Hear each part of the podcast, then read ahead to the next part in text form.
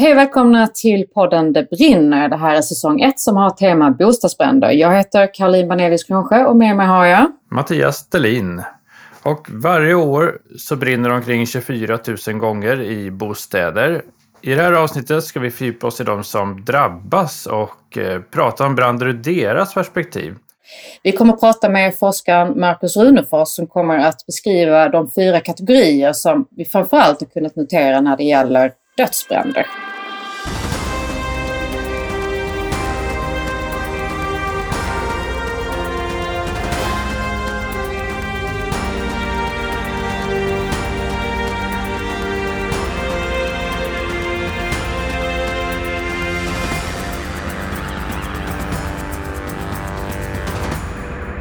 Välkommen Marcus!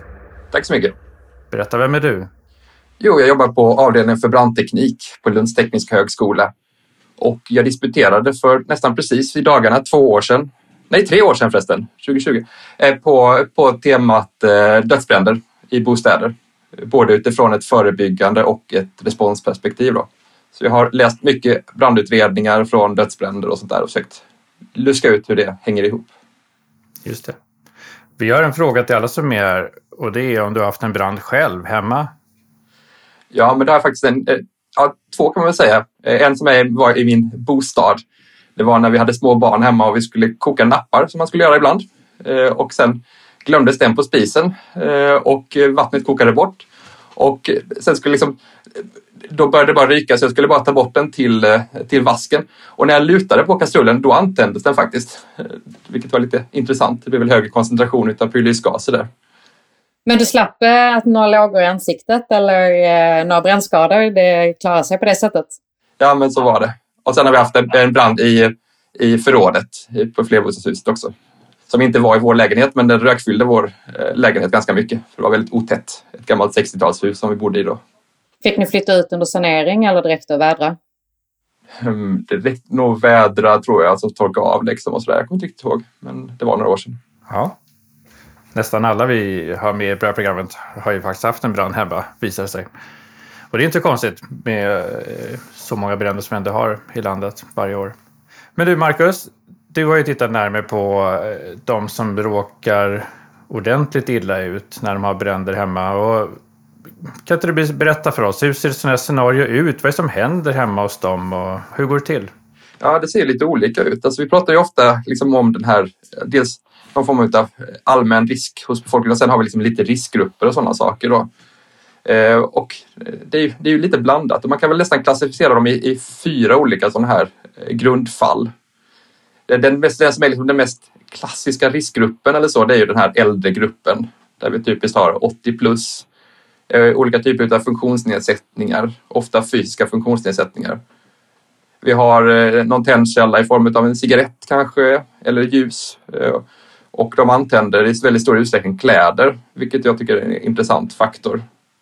Även ljusen? Ja, ljusen också. Jag, har faktiskt, jag tror knappt jag har sett något som har liksom brunnit ner, eller väldigt, väldigt få, som har liksom, där man har glömt ljusen som man ofta pratar om. Du menar att de har vält eller på annat sätt liksom mot... Uh... Väldigt ofta att man har, alltså man får in en arm eller någonting i, i lågan. Och så typiskt att man liksom kan ha lite nedsatt eh, rörelseförmåga och sådär. Man kan hitta det var någon brand i Helsingborg för något tag sedan där man hittade då eh, personen vid, vid handfatet. Så hade, hade varit vid ljuset, tror man då, och antänt och sen rört sig mot eh, diskbänken men liksom inte lyckats släcka det och omkom där. Det blev liksom ingen, ingen brand eh, värd namnet. Alltså, det var ju bara kläderna som brann. Så att, eh, Räddningstjänsten tyckte inte det var jätteintressant. Det var ju liksom inget brandförlopp i det hela. Men, men, men det blev ju väldigt allvarliga konsekvenser. Liksom. Så även små bränder kan ju få väldigt allvarliga konsekvenser. Mm. Och det är ju liksom den, den sen är liksom, det, det, får liksom något sätt representera alla eh, dödsbränder och särskilt då när det gäller riskgrupper. Vilket ju inte riktigt är sant. Alltså det är ju kanske en tredjedel av dödsbränderna storleksordningsmässigt som är de här scenarierna. En, en grupp som är liksom större till antalet, eller ja, ungefär samma storleksordning men marginellt större, är ju en mer eh, alltså, det man kallar för socialt marginaliserad grupp så att säga, som inte är den här äldre gruppen och, och funktionsnedsättning utan i den gruppen har vi väldigt stor utsträckning eh, män i övre medelåldern, väldigt mycket alkohol eh, och viss mån illegala droger också. Då. Eh, även där har vi cigaretterna, men de antänder i större utsträckning eh, säng eller soffa Eh, där man somnar ifrån. Då. Det är också här vi hittar de här glömd spis-scenarierna. Och det är, liksom- det är också en ofta vanlig missuppfattning att man placerar den hos den här äldregruppen jag nämnde precis tidigare här. Men det är, det är inte väldigt, ganska ovanligt eh, att det inträffar i den gruppen. Det är liksom inte så kopplat till demens och det här vi pratar om. Där, utan det är mycket i den här gruppen istället eh, där vi har glömd spis. Det vi ser också när vi tittar på den här gruppen är att det är extremt höga nivåer av alkohol. Medianen ligger på drygt 2 promille, vilket ju är väldigt, väldigt högt såklart. Så att mm. när, man, när man jobbar med, mot riskgrupper så blir det väldigt ofta synonymt med att jobba mot den här äldregruppen. Men medan den här gruppen åker lite ofta under radarn tycker jag. Liksom. För det, det, det är liksom inte den första mentala bilden man har och det kanske inte kanske känns som en grupp som är svårare att jobba mot eh, för kommuner. Men du pratade här om alkohol, gäller det även andra berusningsmedel i den här gruppen? Ja, det finns. Eh, jag har tittat lite grann på illegala droger och det, det förekommer inte, inte så stor utsträckning som... Eh, alltså det, det, ja, det, det, är lite svårt att säga för vi har liksom inte heller någon, någon nämnare på så sätt att det är svårt att se hur, hur mycket överrepresentation det är. Men det förekommer absolut. Var hör mediciner hemma någonstans? Om, om det har en påverkan? Ja, alltså vi ser ju mediciner i, i äldregruppen, absolut. Sen är det ju den här, den här äldsta gruppen äter ju väldigt mycket mediciner Eh, rent generellt. Så jag vet inte, jag har inte, inte sett liksom något här där man, där man jämför det riktigt. Alltså vi behöver ju nämna det också för att se hur, hur mycket det påverkar egentligen. Eh, och det har jag inte sett liksom. För vi ser, hittar mycket, mycket läkemedel men, men 80 plus-gruppen om vi pratar om den, vi har väldigt, väldigt mycket läkemedel i alla, i alla i den gruppen så att säga.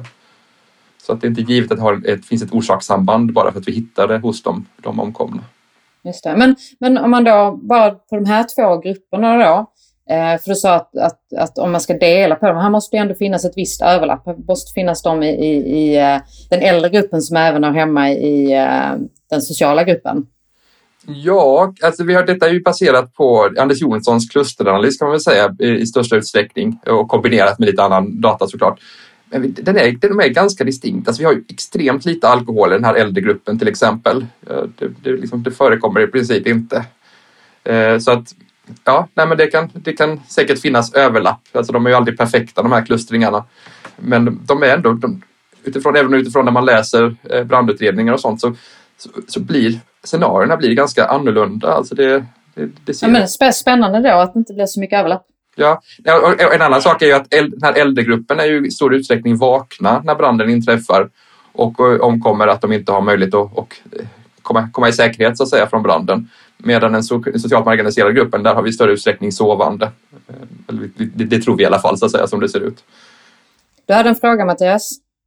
Nej, det var faktiskt precis det du kommer till, Marcus, det här att eh, en grupp kanske inte är vid medvetande när, de, när branden inträffar, så att de kanske inte upplever scenariot och kanske inte kan göra så mycket åt den heller. Nej, nej precis. Nej, de har ju, det är olika anledningar till att de inte kan göra något åt branden, så att säga. Ena gruppen sover, den andra gruppen har liksom ofta inte de fysiska möjligheterna. Och det är ju verkligen alltså, hjärtskärande beskrivningar. Man fick ta lite pauser när man läste de dagarna, de dagarna man läste de här, de här scenarierna. Liksom, när man ser liksom hur de, eh, de, de, sitter, de tappar cigaretten i, i knät och sitter i rullstolen. Kan liksom inte, har liksom inte rörligheten för att frigöra sig från den liksom, och rulla mot dörren. Liksom, och, eh, och, eller liksom att de, de ligger i sängen och kan liksom inte ta sig därifrån och sådana saker. Det finns ju också beskrivningar om, om den här gruppen där, där man har Eh, Eh, där de har bett hemtjänsten plocka ur batterier ur brandvarnare och sånt för de vet att de inte kan eh, komma ut. Så om de sover när branden börjar så vill de sova vidare. Så att det är ju eh, det, det är väldigt hemska scenarier. Det är också väldigt, det är också, alltså här har vi väldigt mycket, mycket brännskador, vilket också är ett fruktansvärt sätt att, att omkomma på såklart. Att man får brännskador sen så i sviten av skadorna dör senare? Eller? Ja, det kan ju vara både i sviterna men det kan också vara under, ja. under eh, branden att du inte har, alltså du har inte annat in, du har inte så, hittat, man hittar inte så mycket kolmonoxid i blodet att det ska vara dödligt.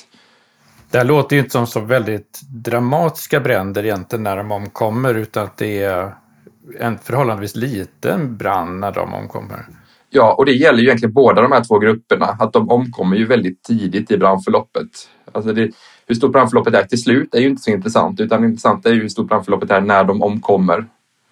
Och det är ju eh, ofta ganska litet. Sen är det liksom, det finns ändå en viss tid, för ibland så kan man tänka sig att, att det går liksom då kommer de på några sekunder från, från, från liksom första felet. Men så är det ju inte eftersom vi har ju en glödande tändkälla här. Inte ljus då såklart, men cigarettfallen är ju glödande tändkällor och där har vi ju ganska långa tider innan den övergår till, till en flammande brand. Eh, så att där finns ju en, en viss tid om man har ett, ett, ett trygghetslarm till exempel som man kan trycka på och sånt där. Så att man ska liksom inte, bara för att de har kommit tidigt i brandförloppet så ska man inte räkna bort responsdelarna. Eh, både, både räddningstjänst och, och hemtjänst och andra eh, såklart sippar och allt annat som skulle kunna göra en insats där. För det har du egentligen också tittat på, hur många man räddningstjänsten räddar. Jag tänker just det här med, med tidsperspektiven. Ja, absolut. Alltså det finns en underrepresentation i den här gruppen så det är liksom inte riktigt en, en, en riktad åtgärd mot de här två grupperna. Eh, men, men det förekommer ju absolut. Jag har varit med om sådana fall så att säga. Det var något fall där, där räddningstjänsten kom eh, in till, eh, till någon där, där det brann bara precis, hade bara precis, han hade tappat en cigarett och det brann bara precis lite på täcket så de kunde ta täcket och dra in det i duschen. Eh, det som var lite intressant, jag intervjuade ju massa befäl i samband med var ju att, att den här äldre mannen han stod ju och duttade med en trasa på, eh, på, den här, på det här täcket för att försöka släcka den och hade liksom en skål med vatten bredvid sig. Och jag och befälet jag intervjuade då resonerade en del kring det här. Varför hade han en, en, den här skålen? Och sen kom vi på det, liksom, men det beror på att detta är ju absolut inte första gången han tappar en cigarett eh, på sig i sängen. Utan han har gjort det här många gånger förut, men tidigare har han lyckats släcka den med, med sin trasa. Och det beskriver ju liksom tragiken lite här också. Liksom att, och det här måste ju, han har ju naturligtvis jättemycket hemtjänst och de måste ju ha sett de här brännmärkena och det är också någonting som är karaktäristiskt att det här kommer sällan som en blixt från klar himmel utan det, det hade inte varit så svårt att och, och se vad det här var på väg. Men här kommer vi in på en större fråga liksom kring ansvar och vem, vem ska göra vad och sådana saker då, som kanske inte är temat för dagen då så att säga. Men, men, men det är liksom ingen, ja, det går att hitta de här ganska, ganska lätt. De allra högst riskindividerna. Sen finns det såklart en, en skala där, men, men en hel del utav de mest utsatta skulle man kunna ha hittat i förväg. Utan, utan... Är det samma sak med de socialt marginaliserade? Jag har dåligt koll på deras, deras gränssnitt. Alltså de, har ju, de har inte lika många, alltså, de har inte besök i hemmet på samma sätt, många i den här gruppen. Eh, den här äldre gruppen har ju, jag skulle säga att, att i princip alla i den gruppen har hemtjänst på ett eller annat sätt som kommer komma till deras hem. Den här andra den, utan att vara expert på området så att säga, så, så, så, tror jag att de har mindre av den typen av kontakt med samhället. De har ju såklart sina gränssnitt gentemot socialtjänst och försörjningsstöd, för det ser vi också är karaktäristiskt för den gruppen. Ehm, men inte, kanske inte på samma sätt i deras bostad. Men, men, men att, det, att det finns en, en, en att de har, alltså, det finns ju mycket som är, är farligt och ohälsosamt för den här gruppen och det kan ju inte vara en, en hemlighet för någon så att säga. Finns en, en utmaning. Sen exakt vad, eh, vad som kommer leda till deras död är kanske inte, inte tydligt. De är utsatta även för så mycket annat i form av både olyckor och sjukdomar och allt annat. Och våld.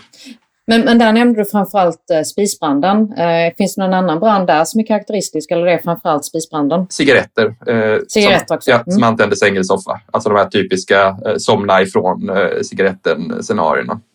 Mm. Hur stor, det här med rökning nämns ju också väldigt ofta i brandsammanhang. Hur stort problem är det? Där har vi ett, ett utmaning då att det är ju runt hälften av eh, brandorsakerna som är, är okända.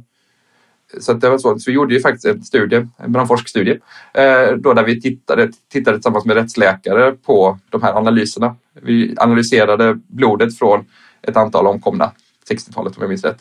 Eh, för att hitta kotinin för att se om de var rökare och så gjorde vi viss statistisk behandling utav det då och vi kom fram till att ja, men det stämde nog ganska bra. Alltså det, det är väl den storleksordningen, typ 40 procent eh, utav de branddöda som är, är där det är rökningsrelaterat. Eh, så att den, den storleksordningen så är det alltid svårt. Och där hade man ju önskat att man hade liksom utrett bränderna lite noggrannare så hade vi fått bättre datamaterial. Att jobba med, med 50 procent okända blir ju väldigt, väldigt svårt. Men även när vi tittar på de här eh, blodanalyserna så tyder det på att vi ligger i den storleksordningen. Och det har ju inte, inte förändrats så där markant över åren heller. Man hade ju förhoppningar på sådana här självslocknande cigaretter och sånt, men det har ju inte riktigt infriat sig. Men det kan vi prata om senare. Ja, jag tänkte om vi går vidare och vidgar lite. Om man då inte är äldre, inte är socialt marginaliserad och inte röker, eh, är man utan fara då eller finns det andra som drabbas? Ja, nej, men det gör det ju. Eh, absolut. Eh, det här är ju risken per individ är ju väldigt stor i de här grupperna. Men vi har ju det som man skulle kunna kalla för en bakgrundsrisk också, eh, som är kanske i storleksordningen en fjärdedel av fallen. Och där, har vi ju, där drabbas liksom alla åldrar och en överrepresentation av hus i förhållande till lägenhet. Orsakerna här är ofta tekniskt fel eller okänd. Eh, så att de ser ju lite annorlunda ut och i de typiska scenarierna så, så, befinner sig den som omkommer mycket längre ifrån startobjektet. Det här skulle liksom kunna inträffa i alltså vitvara, eller, alltså det, det, finns ju många, många orsaker såklart. Men, eh, men typiskt inträffar det i någon annan del av huset eller bostaden än, än personen som omkommer.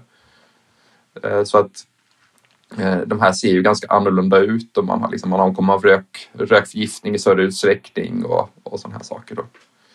Och en annan intressant förlopp i den här gruppen är ju också de här som, som försöker släcka istället för att utrymma. Där, eh, som också är en besvärande stor andel. Eh, där man, man hade haft möjlighet att ta sig ut eh, men, men man väljer att, att istället försöka släcka branden. Och då har man typiskt då gått innanför branden, kanske hämtat en handbrandsläckare eller vatten i en bunke. Och då har, när man kommer tillbaka så har, ju, har branden blockerat utrymningsvägen så att man, man omkommer. människor är ju notoriskt dåliga på att extrapolera brandförlopp. För det är ett exponentiellt förlopp och vi tänker ofta att saker och ting utvecklas linjärt. Så att om vi kommer hit efter dubbelt så lång tid så är den dubbelt så stor. Men så stämmer det ju inte om du har en, en, ett exponentiellt förhållande som vi normalt har för, för brandförlopp. Det här låter som ganska stor skillnad mot de andra bränderna vi pratade om. Att det här är en annan tidsskala, en större brand när de omkommer, ett eh, ja, mer dramatiskt förlopp låter det som ja, dramatiskt för... Jag, jag, kan inte tänka mig ett mer dramatiskt förlopp än den här äldre gruppen. Det är nog det värsta jag kan tänka. Men, men, men absolut, alltså det är ju... Eh, det skiljer sig ju markant från, eh, från de andra grupperna. Men det låter ju också som att den här gruppen är mer hjälpt av en brandvarnare än vad de två tidigare grupperna är. Ja, ja men det ser vi. Jag gjorde någon sån analys också. Att just eh, att titta historiskt och se hur stor del av den här minskningen som vi ändå haft eh, kring branddöda sedan 50-talet, hur stor del av den som kan förklaras av förekomsten av brandvarnare. Och där, där ser det ju ut som att, att just den här, den här gruppen har varit otroligt behjälpt av den breda installationen av brandvarnare. Så att, alltså man ska inte sätta de här i, i, motsats till varandra, de här riktade åtgärderna och de här breda åtgärderna, utan de kompletterar varandra. Och här har vi ju det typiska stället då, de här klassiska åtgärderna. Framförallt, vi pratar ju ofta om brandvarnare, brandsläckare och brandfilt så att säga, men här är ju, det är ju brandvarnaren här som är, är, är den grejen liksom, så att säga för den här gruppen. För när det gäller dödsbränder. Sen kan det ju finnas annat som, som hjälper för egendomsbränder. Men, men att fortsätta jobba med brandvarnare är ju, är ju bra. Ja. Eh, men, men du, eh, som jag förstått det så har du ytterligare en, eh, en sista kategori. Ja, och det är väl den vi pratar allra minst om och det är ju självmordsgruppen som är kanske ungefär en tiondel utav de, de omkomna i bränder. Och där har vi i stor utsträckning män eh, mellan 20 och 64 år. Så det här är ju folk som, som tänder eld för att ta sitt liv helt enkelt. Och hur ser den branden ut då om vi tittar på hur, hur branden ser ut i de andra kategorierna? Ja, alltså det kan ju se det är olika ut men man, man, man samlar ju ofta kanske ihop eh, bränsle någonstans så att säga och, och, och tänder eld på det och sen ja, jag har faktiskt inte, inte jättebra koll på Jag har mer grottat liksom hur förloppen ser ut på de andra, men det är ju intressant att se liksom lite mer. Här har man liksom tänkt att vi har fallit väldigt i samma, samma falla som många så att säga här att, att här känns mer som ett psykologiskt, alltså ett problem kring för vården så att säga än ett, än ett brandproblem. Men, men det är ju inte heller helt sant för att här har vi ju när vi tittar på just den här Räddade av räddningstjänsten-studien som du nämnde tidigare, Caroline, så, så, har vi, så ser vi en, en överrepresentation av den här gruppen för att det gör ju väldigt ont att, att andas in eh, rök, speciellt från, från vissa typer av bränslen. Då. Och det gör ju att en hel del eh, också ångrar sig. Och då har man ju möjlighet att, att göra någonting. Jag, jag utredde en sån brand för ett gäng år sedan på ett, på ett LSS-boende där, där personen blockerade vägen in och tände eld i, någon hög av, av skräp. Och sen, men, men ångrade sig då och, och öppnade eh, fönstret. Och eh, brandvarn, de hade ju, där hade de inte tänkt på att de hade brandlarm i taket så att säga. Så brandlarmet kom ju och, och vaktmästaren kom på platsen. Och han kunde ju ta tag i den här karmen på fönstret och dra sönder det. Det var ju med spärrar och eh, dra upp den och, och sen få ut den här, den, här, den här kvinnan som hade försökt ta sitt liv då, och hon överlevde. Och det har jag också sett som sagt när det gäller räddningstjänstens räddare där folk har, stänger in sig i ett annat rum. Eh, de kanske inte kan ta sig ut genom dörren men de kanske stänger in sig i ett annat rum eh, vilket ju fördröjer förloppet vilket ger räddningstjänsten en möjlighet att göra en insats. Vilket då egentligen kanske antyder att man tänder, tänder eld på, på rummet snarare än sig själv i, i liksom det första läget. Ja, sen är det viktigt också, här är ju, jag har ju tittat på bostadsbränder här. Vi har ju också folk som, som tänder eld på sig själva utomhus och sånt. Jag har inte ingenting jag har studerat men jag har bara hört det liksom, eh, anekdotmässigt så att säga och de finns ju inte med i det här utan så, så är det liksom i de här fallen. Och jag vet inte heller, alltså jag tror inte det är så vanligt att folk tänder eld på sina kläder utomhus. Det, det är bara hört anekdotiskt.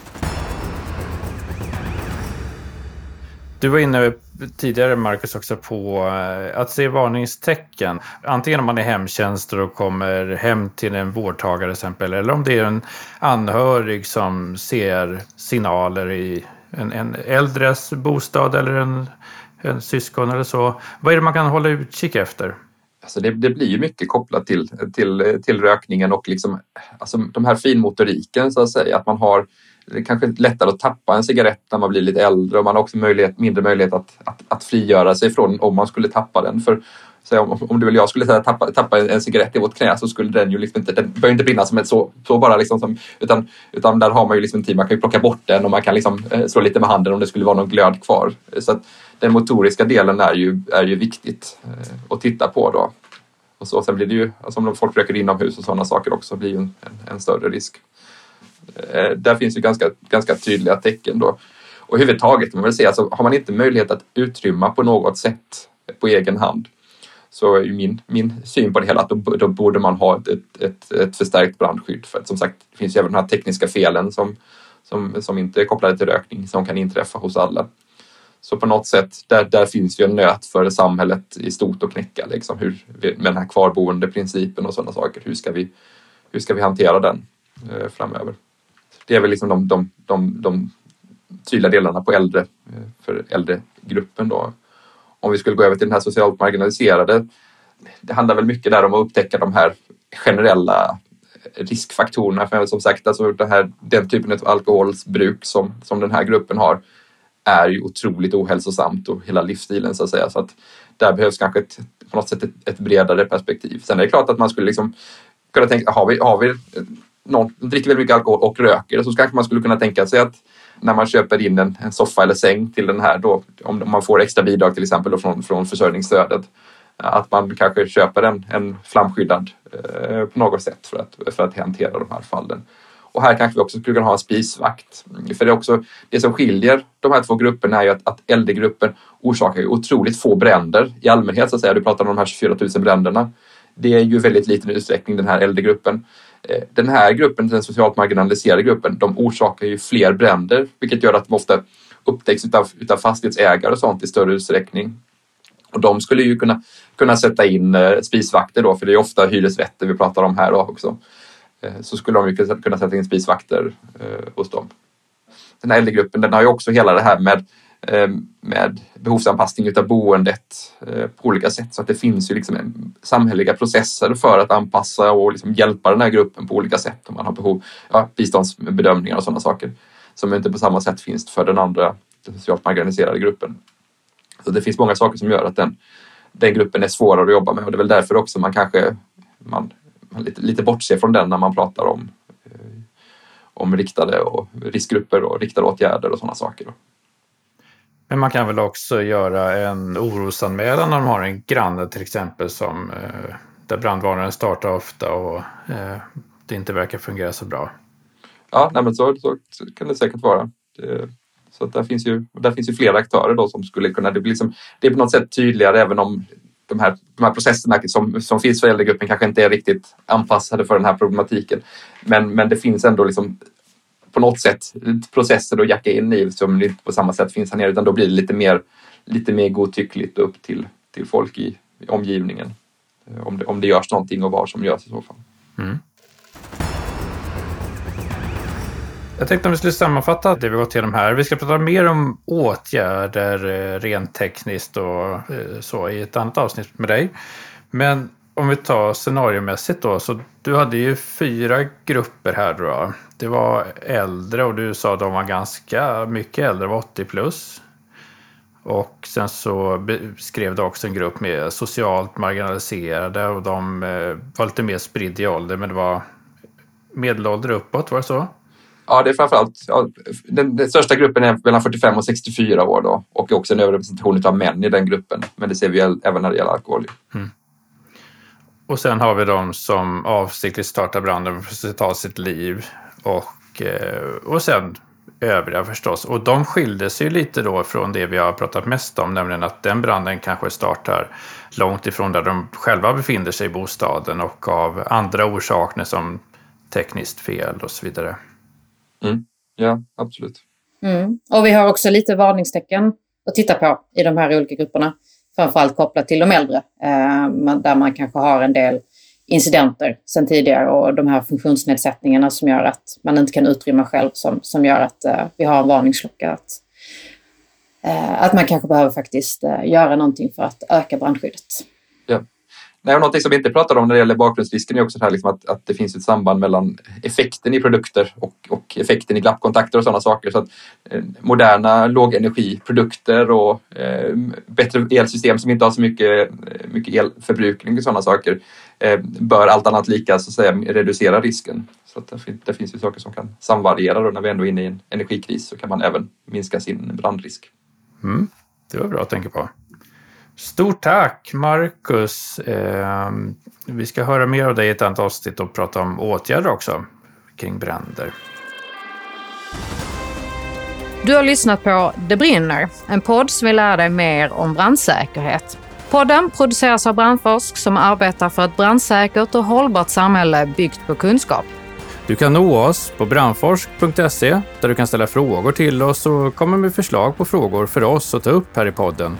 Och du, till nästa gång, kom ihåg att testa din brandvarnare.